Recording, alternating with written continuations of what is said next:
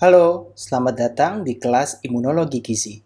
Kali ini kita akan membahas aspek gizi pada pembedahan. Pada materi ini, kita akan membahas peranan zat gizi dalam proses pembedahan, terutama bagaimana zat gizi bisa membantu tubuh untuk melakukan recovery atau perbaikan pasca proses pembedahan. Pembedahan adalah salah satu prosedur medis yang pada beberapa kasus tidak dapat dihindari. Pada beberapa jenis penyakit seperti kanker, dibutuhkan terapi pembedahan untuk mengatasi penyakit tersebut. Dan ada beberapa kondisi misalnya luka, trauma, kecelakaan yang juga memerlukan treatment pembedahan.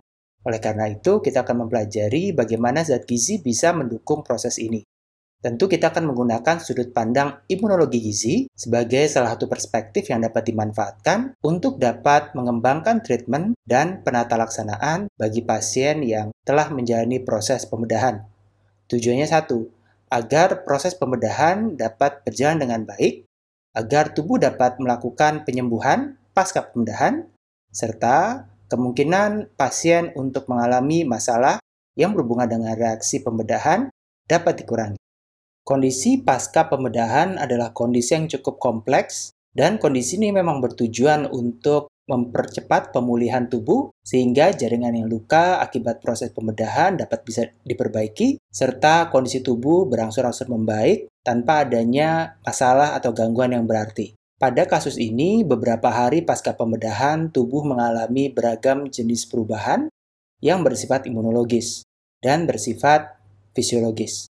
Dalam kondisi pasca pembedahan, beberapa hari pasca pembedahan, terjadi peningkatan beberapa sinyal biologis, seperti peningkatan produksi adrenalin, noradrenalin, glukagon, serta beberapa sitokin proinflamasi seperti interleukin 6 dan TNF-alpha. Pasca pembedahan, juga sistem imun mulai mengalami peningkatan, terutama beberapa jenis sel, seperti adanya peningkatan aktivitas dari sel NK atau natural killer, juga terjadi peningkatan leukositosis dan molekul adesi. Setelah beberapa hari pasca pembedahan, proses inflamasi ini kemudian mulai berkurang. Tubuh masih meningkatkan produksi kortisol dan insulin, tetapi juga mulai melepaskan sitokin anti peradangan atau antiinflamasi, seperti interleukin 10. Dalam kondisi ini berdampak pada perubahan sistem imun, seperti penurunan aktivitas dari monosit MHC2 penurunan aktivitas dari sel NK dan penurunan aktivitas dari limfosit. Oleh karena itu, ada dua fase pasca pembedahan yang berhubungan dengan sistem imun, yaitu immune activation pada awal pasca pembedahan serta immune suppression yang terjadi setelah proses immune activation. Kedua komponen ini adalah komponen yang penting sebagai bagian dari proses penyembuhan terhadap luka yang terjadi pada proses pembedahan.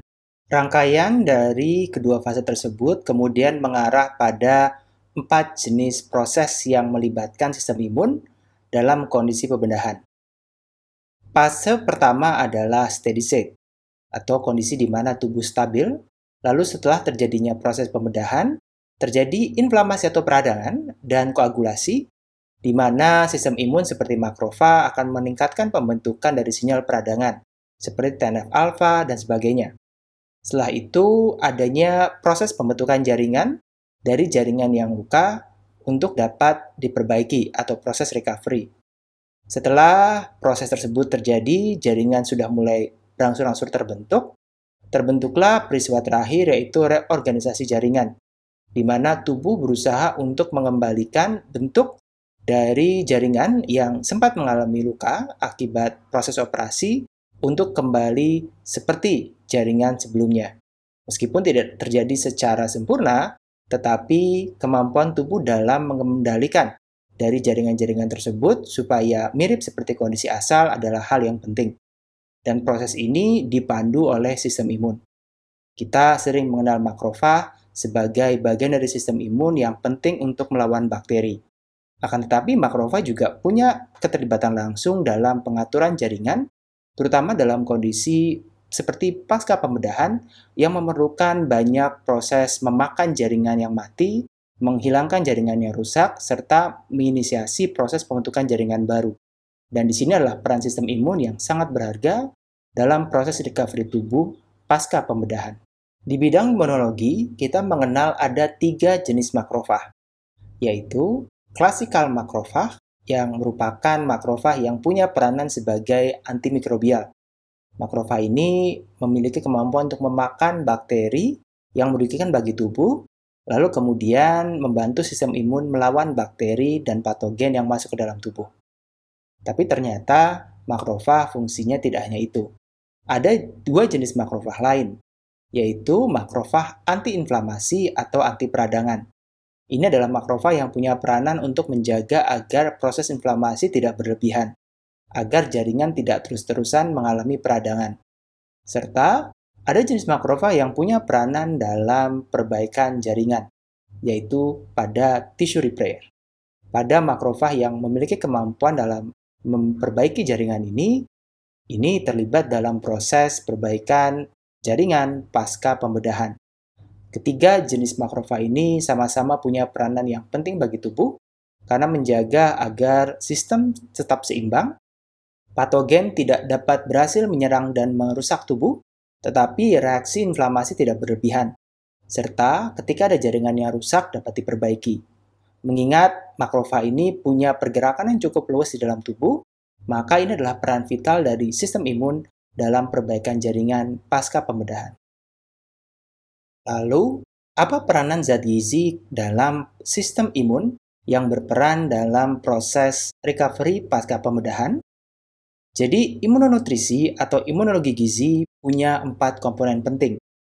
Komponen pertama adalah meningkatkan fungsi barrier atau pertahanan agar bakteri yang masuk pada saat pembedahan juga tidak dapat dengan mudah menyerang bagian-bagian yang lain.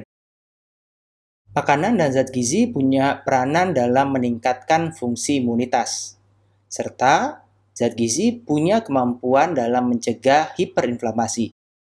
Seperti yang disampaikan sebelumnya bahwa proses peningkatan inflamasi adalah bagian yang penting dari awal proses penyembuhan pasca pembedahan. Akan tetapi inflamasi tersebut tidak bisa dibiarkan terlalu lama dan terlalu kuat berada dalam tubuh. Zat gizi punya peranan dalam mencegah agar inflamasi tersebut tidak berkelanjutan atau membesar hingga bisa merusak bagian yang lain dalam tubuh kita. Yang terakhir, beberapa zat gizi diketahui punya peranan dalam meningkatkan penyembuhan luka. Beberapa vitamin seperti vitamin C punya kemampuan dalam meningkatkan produksi kolagen. Dan keempat komponen dari zat gizi ini kemudian berdampak pada clinical outcome yang lebih baik pada pasien pasca pembedahan. Ini adalah peranan zat gizi dalam proses pembedahan. Zat gizi apa sih yang penting dalam proses pasca pembedahan? Kami mengumpulkan beberapa hasil penelitian yang menunjukkan peranan dari beberapa zat gizi terhadap proses pembedahan dan outcome dari pembedahan, yaitu asam amino glutamin, asam amino arginin, asam lemak, serta zat gizi mikro yang punya peranan sebagai antioksidan, seperti vitamin C, vitamin E, dan selenium. Keempat komponen zat gizi ini diketahui punya manfaat untuk meningkatkan proses recovery bagi tubuh pasca pembedahan, serta mencegah komplikasi dari penyakit-penyakit yang bisa saja muncul pada pasien pasca pembedahan. Sebagai hasil akhir, Pemberian zat gizi yang tepat pasca pembedahan mampu menurunkan length of stay atau lama rawat inap pasien pasca pembedahan dan penyembuhannya pun dapat terjadi dengan lebih paripurna.